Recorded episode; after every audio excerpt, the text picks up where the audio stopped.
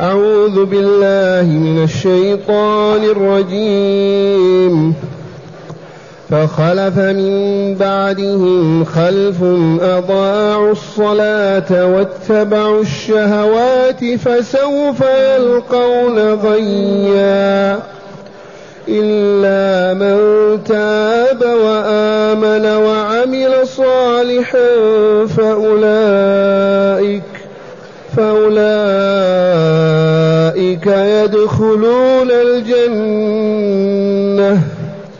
فأولئك يدخلون الجنة ولا يظلمون شيئا.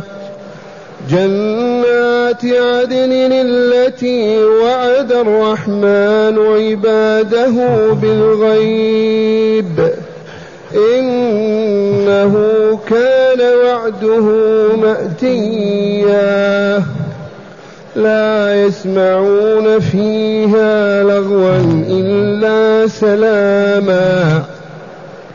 ولهم رزقهم فيها بكرة وعشيا. تلك الجنة التي نورث من عبادنا من كان تقيا. أحسنت. معاشر المستمعين والمستمعات من المؤمنين والمؤمنات. بالأمس قال تعالى أولئك الذين أنعم الله عليهم من النبيين ومن ذرية آدم. أولئك الذين أنعم الله عليهم النبيين من ذرية آدم وممن حملنا مع نوح ومن ذرية إبراهيم وإسرائيل وممن هدينا واشتبينا إذا تتلى عليهم آيات الرحمن خروا سجدا وبكيا. لما ذكر هذا قال تعالى فخلف من بعدهم خلف من بعد أولئك الذين ذكرهم في هذه الآية. من ذرية آدم إدريس من نوح ومن ذرية إبراهيم بنو إسرائيل ذرية إسرائيل وهكذا إلى نبينا صلى الله عليه وسلم. قال تعالى مخبرا عن الواقع الذي تم وإنه والله لمشاهد عندنا. فخلف من بعدهم خلف. الخلف خلاف الخلف. الخلف الصالح والخلف الفاسد. فخلف من بعدهم خلف أي صالحين. لكنهم خلف أي فاسدين. فرق بين الخلف وبين الخلف. فخلف من بعدهم أي جاء من بعدهم خلف سيء. كيف حالهم؟ أضاعوا الصلاة أولا. أضاعوها فرطوا فيها أهملوها تركوها. ما أدوها على الوجه المطلوب ما أقاموها. كل هذا يصلح له أضاعوا الصلاة. فمنهم من تركها كفر ومنهم من أهملها وأضاع بعضها ولم يأتي بها على الوجه المطلوب فسقى وفجر. من ترك الصلاة بالمرة كفر ومن عبث فيها وقدم وأخر وزاد وكذا فقد فجر. فخلف من بعدهم خلف أضاعوا الصلاة أولا واتبعوا الشهوات. قطعا الذين ما يصلون لا يمكنهم أن يستقيموا. والله ما يستقيمون. لا بد وأن يقارفوا الذنوب. لا بد وأن يفجروا لا بد وأن يفجروا بالزنا وغيره. واتبعوا الشهوات. فالذين تركوا الصلاة أضاعوها ما أدوا على الوجه المطلوب. لا بد وأن يتبعوا الشهوات التي تزينها النفس ويزينها الشيطان. والشهوات من الزنا إلى الخمر إلى الربا إلى غير ذلك. هذا خبر صدق من أخبر به؟ الله جل جلاله. العليم الخبير فخلف من بعدهم خلف أضاعوا الصلاة واتبعوا الشهوات والعياذ بالله تعالى. إضاعة الصلاة يكون بتركها ويكون بإهمالها والتهاون بها. لأن الذي لا يؤدي الصلاة على الوجه المطلوب لا ينتفع بها. والله ما تزكي نفسه ولا تطهرها. إذا يؤخر عن أوقاتها لا يتم ركوعها ولا سجودها ولا يطمئن في ركوع ولا سجود كالذي ما يصلي. أحد السلف صلى أمامه شخص فأساء الصلاة. قال من كم عام وأنت تصلي؟ قال أربعين سنة. قالوا ما لا صليت ولا صلاة واحدة. صلى أمامه لا يطمئن في الركوع ولا في السجود ولا ولا فسألوا يا هذا من كم عام وأنت تصلي هكذا؟ قال منذ أربعين سنة. قال إذا ما صليت من أربعين سنة. فصل من الآن وادخل في رحمة الله. وقوله تعالى فويل للمصلين. الويل واد في جهنم كما عرفتم. كلمة تشير إلى عذاب نكيل. ويل للمصلين الذين هم عن صلاتهم ساهون. الذين يخرجون عن أوقاتها يسهون عنها لا يطمئن في ركوع ولا سجود ولا خشوع ولا كالعابثين واللاعبين. ويل لهم. فما الجزاء؟ قال تعالى فسوف يلقون غيا. قال ابن عباس الغي واد في جهنم. تستمد جهنم الحرارة منه. واد في جهنم فسوف يلقون غيا. ويلتقون به ويقعون فيه ويهلكون به. هذا حكم الله. فخلف من بعدهم خلف أضاعوا الصلاة واتبعوا الشهوات فسوف يلقون غيا. وها نحن نشاهد اللاعبين بالصلاة والتاركين لها حياتهم كله أغاني وله لعب وكيرم وعبث وسخرية واستهزاء حتى بالصالحين. هذا واقعهم فسوف يلقون غيا عذابا في جهنم في واد يقال له الغي اللهم إلا من تاب وآمن وعمل صالحا. باب الله مفتوح.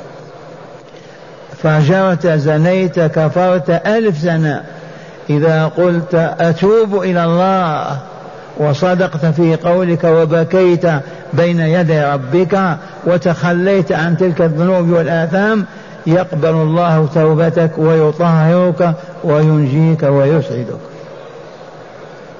إلا من تاب وآمن. قال إمام المفسرين ابن كثير رحمه الله تعالى ابن شرير الطبري ألا يتدل على أن ترك الصلاة كفر؟ منين لأنه قال وآمن أي كان كافرا. ولا نشك في أن امرؤا يعلم أن ترك الصلاة كفر ويستمر على تركها إلا وأراد الكفر عن الإيمان. قال إمام المفسرين ابن جرير الطبري في تفسيره الآية تدل على أن الذين ضاعوا الصلاة منهم الكافرون الذين تركوها والذين أدوها عبثا واستهزاء أضاعوها كذلك والكل في جهنم وفي وادي الغي. إلا من تاب وآمن وعمل صالحا. تاب رجع إلى الصلاة يديها على الوجه المطلوب وعمل صالحا بعد ذلك. ليزيل الأثر الفاسد. الرائحة الكريهة في قلبه ونفسه تنمحي بالعمل الصالح. فأولئك يدخلون الجنة. هذا حكم الله. أخبر به. فأولئك الذين أضاعوا الصلاة واتبعوا الشهوات ثم تابوا فآمنوا وعملوا صالحا هؤلاء يدخلون الجنة.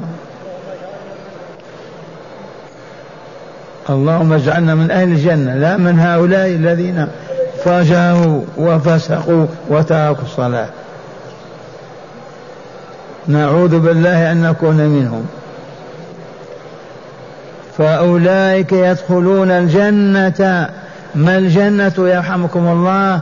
دار السلام دار الأبرار فوق السماء السابعة. وقد ارتادها نبينا صلى الله عليه وسلم ووطئ أرضها بقدميه الشريفتين وشرب من مائها وشاهد أنهارها وقصورها وحورها ونزل في ساعات أو دقائق. إذا ولا يظلمون من شيء من حسناتهم شيئا. لا يقول تعالى فجر وكفر وآذانا وأعرض عنا ثم تاب. إذا ننقص له من حسناته. لا أبدا. لما يتوب ويأخذ يعمل فليبشر بأن أعماله كلها وافية. لا ينقص منها حسنة واحدة.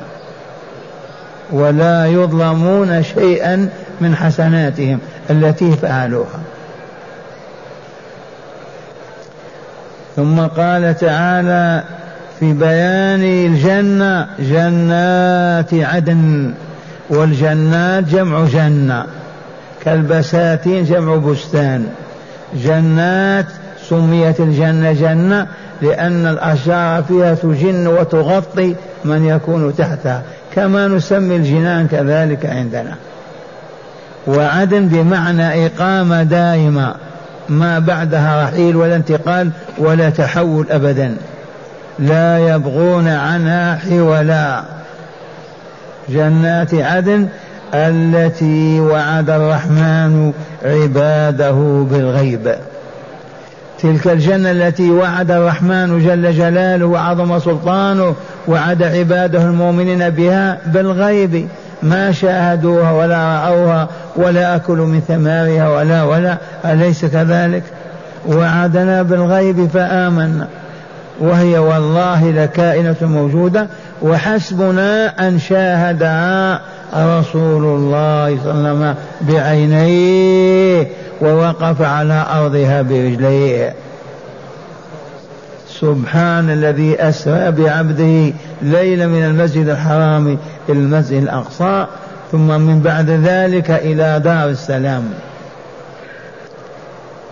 يقول تعالى جنات عدن أي قام دائما التي وعد الرحمن جل جلاله وعظم سلطانه. قال الرحمن ذو الرحمة التي ملأت الأرض والكون كله وعد بها عباده بالغيب. ما شاهدوا. إنه كان وعده مأتيا. آتي لا محال الوعد. إذا وعد الله وعده لا يتخلف. والله لا يتخلف. لأنه قوي قدير. لو يعجز قد يتخلف. لا يتخلف ويؤتى وعده.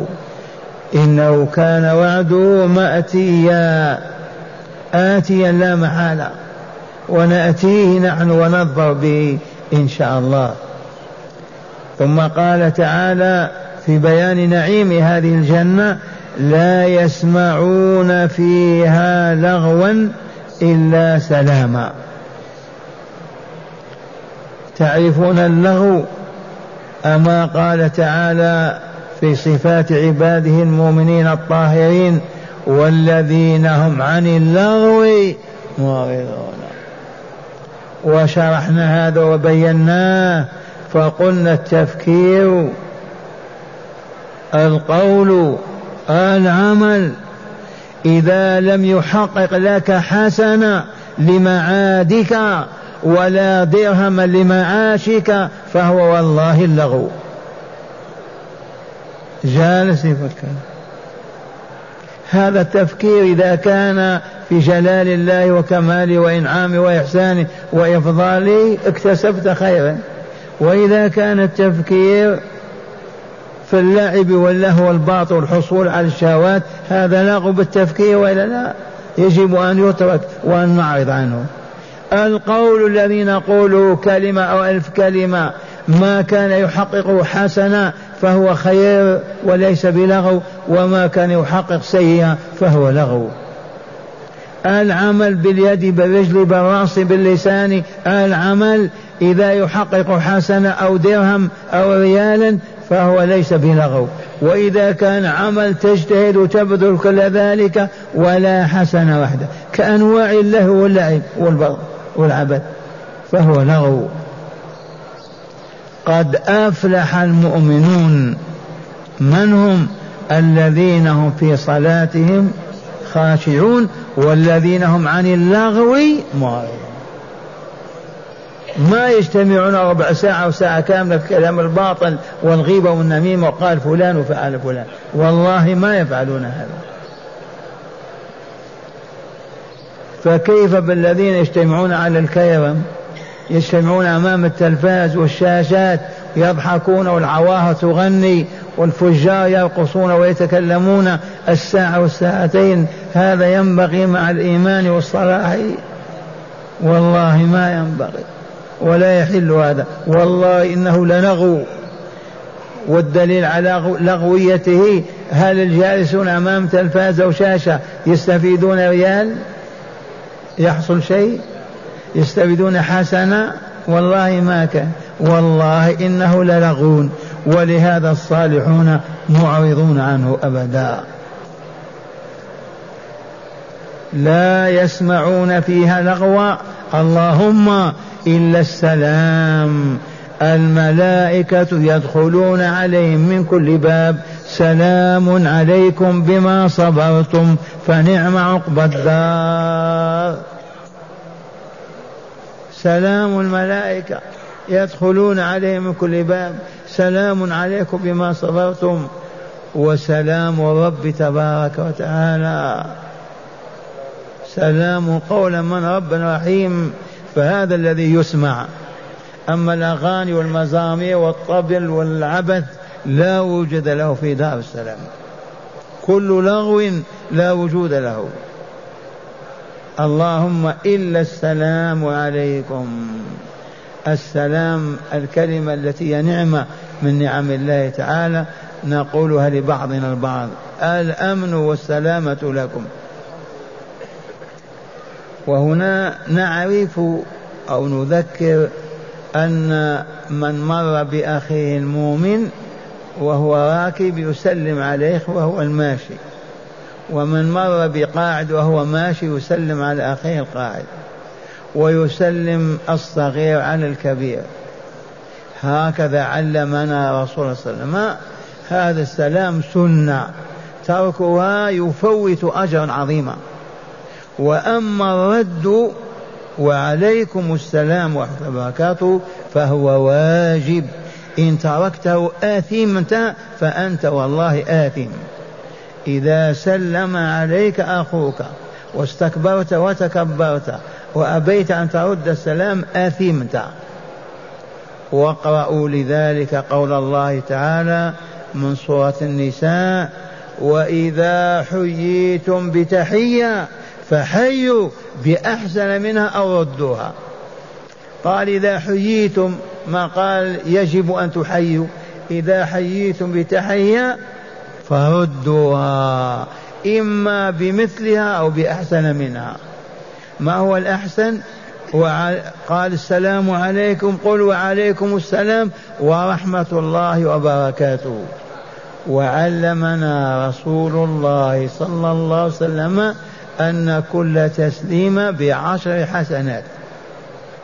وعليكم السلام عشر حسنات ورحمة الله عشر حسنات وبركاته عشر حسنات ذي ثلاثون حسنة. أيام كنا نمشي في باب المجيد كنا نتخذ أياما نقول نسجل نمشي في الطريق إلى المنزل كل من سلم علينا سلمنا عليه نجد مئتين ثلاثمائة حسنة. من السلام. الآن أصبحنا نركب على الدواب. ما فيه سلام. انتبهتم؟ من الباب المجيد إلى المنزل آخر باب المجيد 200 300 حسنة. كلها من السلام عليكم وعليكم السلام ورحمة الله وبركاته. لا يسمعون فيها لغوا إلا سلاما. من أين السلام؟ من بعضهم البعض من الملائكة. من رب العالمين الرحمن الرحيم. ما في إلا السلام. ثم قال تعالى ولهم رزقهم فيها بكرة وعشيا. ولهم رزقهم. ما الرزق؟ يعرف حتى العجائز. الطعام والشراب والفواكه والخضار وما إلى ذلك. ما يرتزقون به. رزقهم لهم فيها بكرة وعشي. يعني في زمان كزمان الصباح والعشي. إذ لا شمس ولا قمر ولا ليل ولا نهار كلها أنوار فقط. لكن تأتيهم الملائكة في وقت الطعام صباحا أو مساء. ولهم رزقهم فيها بكرة وعشيا لأن هذا ما يعرف إلا بمع... إلا في الدنيا. الغداء والعشاء في الصباح والمساء. لكن إذا كان لا صباح ولا مساء الوقت كله واحد إذا الملائكة هي التي تدخل عليهم بطعامها. وبمجرد أن ترغب في الطعام فقط يحضر بين يديك. وإذا أردت أن يرفع ما تقول ارفعوا خذوا القصاع أو الصحاف. فقط قل الحمد لله. دل على هذا قوله تعالى من سورة يونس عليه السلام دعواهم فيها سبحانك اللهم. إذا أرادوا أن يطلبوا الطعام ما يقولوا أعطينا الطعام لا. قل سبحانك اللهم فقط. دعواهم فيها طلبهم فيها بماذا؟ سبحانك اللهم. وتحيتهم فيها ماذا؟ السلام. وآخر دعواهم أن الحمد لله رب العالمين. آخر ما يطلبون رفع الصحون والأواني بكلمة الحمد لله رب العالمين. هذه الآية من سورة يونس. نعيد تلاوتها. قال تعالى دعواهم فيها أي في الجنة سبحانك اللهم وتحيتهم فيها ماذا سلام وآخر دعواهم ماذا الحمد لله رب العالمين اللهم اجمعنا هناك واجمع بيننا حتى نتذكر هذا الذي سمعناه الليلة كما هو قال تعالى تلك تلك الجنة التي نورث من عبادنا من كان تقيا. الجنة تورث كما تورث الأموال في الدنيا. من مات مورثه ورثه في ماله الصامت والناطق. أليس كذلك؟ والجنة كذلك تورث. بنص الآية الكريمة. نورث من عبادنا من كان تقيا. اولا لما خلق الله الجنة وخلق النار خلقها على قدر من يسكنها وينزل فيها بنظام بلا زيادة ولا نقصان. اذا فكل إنسان ككل جان له منزل في الجنة ومنزل في النار. إن آمن واتقى نزل في منزلته في الجنة. وإن فجر وكفر نزل في منزلته في النار. كيف يتم التوارث؟ منزلة أبي جهل التي في النار ورثها ولده عتبة. عكرمة. منزلة أبي جهل في الجنة ورثها من ولده عكرمة منزلة عكرمة في النار من ورثها أبوه أبو جهل وهكذا فافهموا هذا التوارث ترثني وأرثك المؤمن يرث الكافر والكافر يرث المؤمن المؤمن يرث الكافر في منزله الذي أعد له في الجنة لو آمن وعمل صالحا والكافر يرث منزلي أنا في النار لو كفرت وأشركت بالله عز وجل. هذا معنى قوله تعالى تلك الجنة التي نورث أي نورث من عبادنا من هم البيض أم السود؟ من كان تقيا. ما التقي يرحمكم الله؟ الذي يتقي جوده الكامل أن يغضب ربه بكلمة أو بنظرة. الذي يقضي حياته كلها يتقي سخط الله وغضبه عليه فلا يخرج عن طاعته ابدا بترك فعل أوجب فعله أو قول أوجب قوله أو اعتقاد أوجب قول اعتقاده. مع اجتناب ما حرم من ذلك من الاعتقاد الفاسد والقول الباطل والعمل السيء. هؤلاء هم المتقون ورثة الجنة دار النعيم. وقد علمتم سر ذلك ألا وهو أن المتقي ايمانه وعمله الصالح يزكيان نفسه وبعده عن الشرك والمعاصي يبعدان عنها الخبث والذنب والإثم فبذلك أصبحوا أهلا لدخول الجنة دار السلام. التقي وارث في الجنة ما سبب إرثه؟ إنه اتقى الله فلم يعصه لا بترك واجب ولا بفعل حرام وبذلك احتفظ بطهارة نفسه وزكاة روحه وهذه النفس الزكية الطاهرة هي التي تحتل دار السلام وتدخل الجنة مع الأبرار. واقرأوا قد أفلح من؟ من زكاها وقد خاب من؟ من دسا هذا حكم من؟ هذا حكم الله. فمن هنا لا شريف ولا وضيع ولا سيد ولا عبد ولا ولا. الكل الخليقة على هذا المبدأ. من زكى نفسه أفلح من خبثها خسر والعياذ بالله. بهذه الصيغة العامة قد أفلح من زكى نفسه وقد خاب وخسر من دساها أي نفسه. مرة ثانية أسمعكم الآيات. فخلف من بعدهم خلف أضاعوا الصلاة واتبعوا الشهوات فسوف يلقون غيا إلا من تاب وآمن وعمل صالحا فأولئك يدخلون الجنة ولا يظلمون شيئا. أي من حسناتهم جنات عدن جنات عدن التي وعد الرحمن عباده بالغيب. بالغيب ولا لا؟ ما من الجنة أحد. بالغيب إنه كان وعده ماتيا. لا محالة. لا يسمعون فيها لغوا إلا سلاما ولهم رزقهم فيها بكرة وعشيا. تلك الجنة التي نورث من عبادنا. من كان تقيا. اللهم اجعلنا من المتقين. إليكم شرح الآيات من الكتاب. قوله تعالى فخلف من بعدهم خلف يخبر تعالى عن أولئك الصالحين ممن اجتبى وهدى من النبيين وذرياتهم.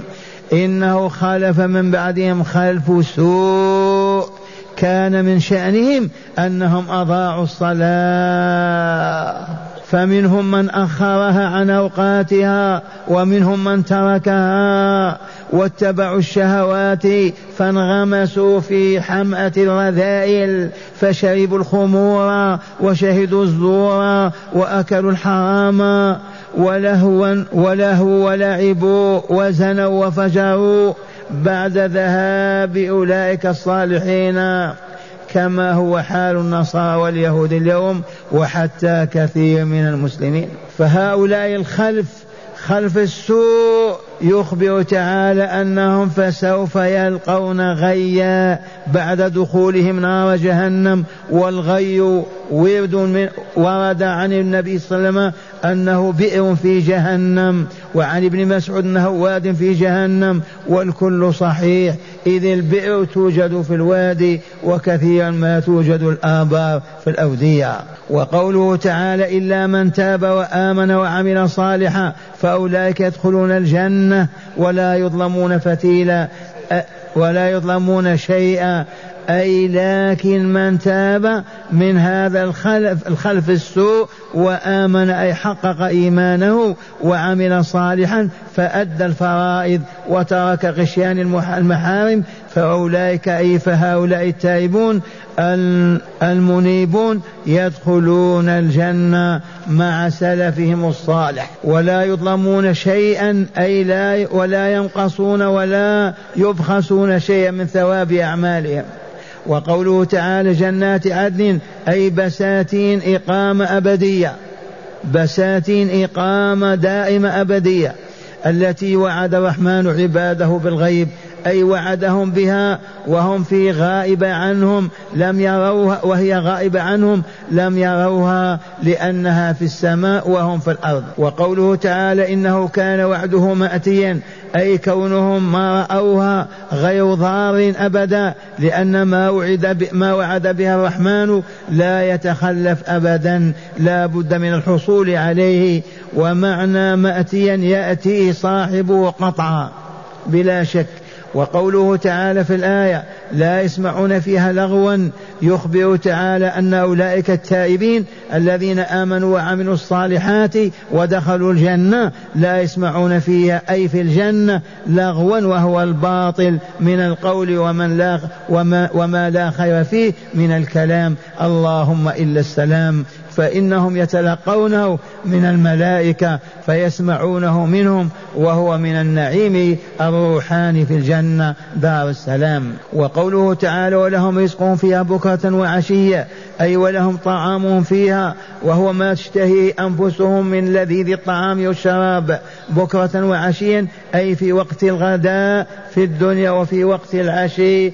في الدنيا إذ لا ليل في الجنة ولا نهار وإنما هي أنوار وجائز إذا وصل وقت وجائز من باب الجواز. إذا وصل وقت الغداء أو العشاء تغير الأنوار من لون إلى آخر. أو تغلق الأبواب وترخى الستائر فيكون ذلك علامة على وقت الطعام في الصباح والمساء. ويكون ذلك علامة على وقت الغداء والعشاء. وقوله تعالى تلك الجنة يشير تعالى إلى الجنة دار السلام تلك الجنة العالية التي نورث من عبادنا من كان تقيا من تقيا منهم. أما الفاجر فإن منزلته فيها نورثها التقية كما أن منزل التقي في النار نورثه فاجرا من الفجار. إذ هذا معنى التوارث هذا يرث هذا وذاك يرث ذا. إذ ما من إنسان إلا وله منزل في الجنة ومنزل في النار. فمن آمن وعمل صالحا دخل الجنة ونزل في منزله. ومن كفر وأشرك وعمل سوءا دخل النار ونزل في منزله فيها. ويورث الله تعالى الأتقياء منازل الفجار التي كانت لهم في الجنة. هداية الآيات. بسم الله والحمد لله. من هداية الآيات أولا التنديد بخلف السوء وهو من يضيع يضيع الصلاة ويتبع الشهوات. في الآية التنديد والتحذير والتنبيه إلى خطر ألا وهو من أضاع الصلاة واتبع الشهوات. وكلكم معرفون إضاعة الصلاة.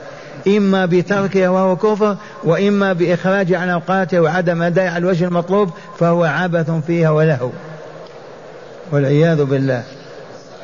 ثانيا معناها صحيح.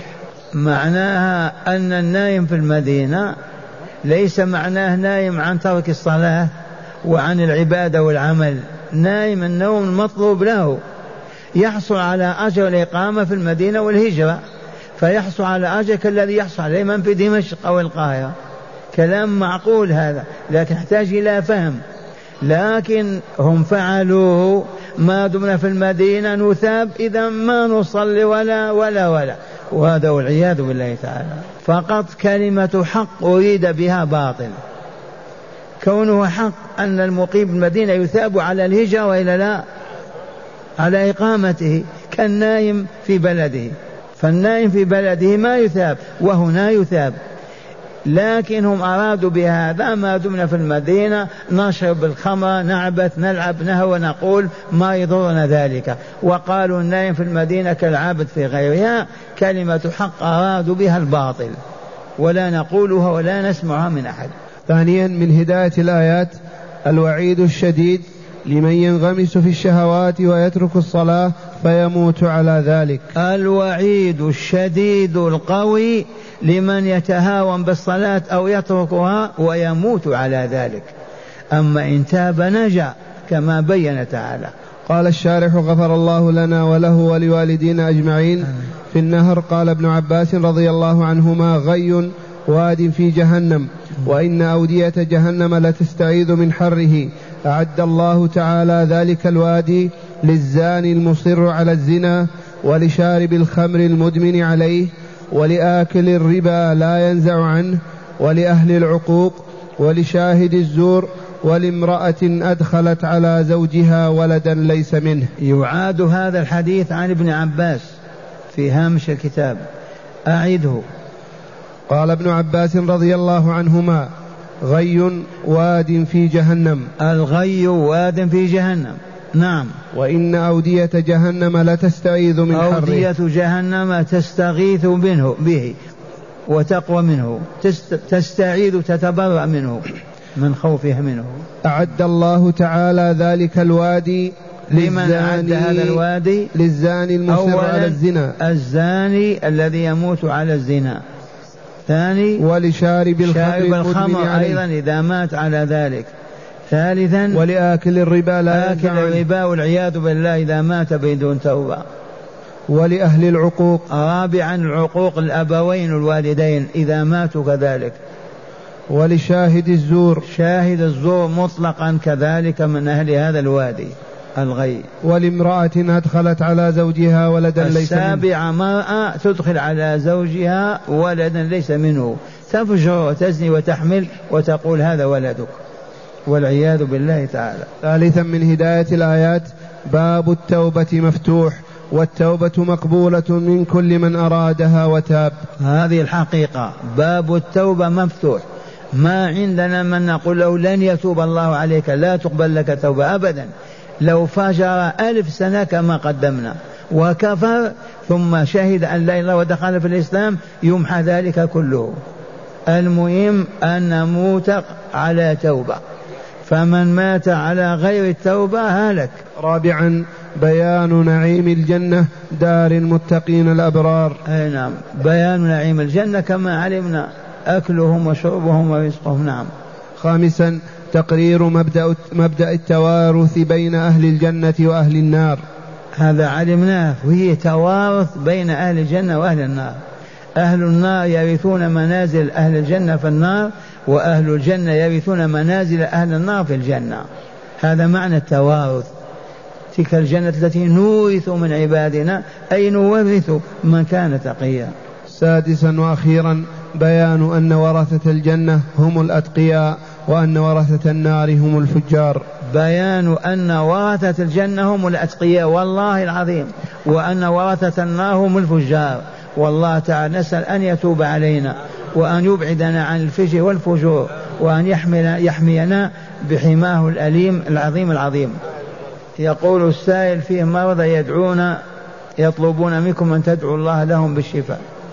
اللهم يا ولي المؤمنين ويا متولي الصالحين ويا أرحم الراحمين هذه أكفنا قد رفعناها إليك ضارعين سائلين فاكشف ضر هؤلاء المرضى يا رب العالمين. اللهم اكشف ضرهم اللهم اكشف ضرهم واشفهم بشفائك الذي لا يغادر سقما. واشف كل مريض فينا وبيننا وفي بيوتنا وفي مشافينا يا رب العالمين. واشفنا ظاهرا وباطنا فاشف نفوسنا يا الله وزكها أنت خير من زكاها وطاهرة أنت وليها ومولاها. وأدخلنا برحمتك في عبادك الصالحين في الدنيا والآخرة. يا رب العالمين.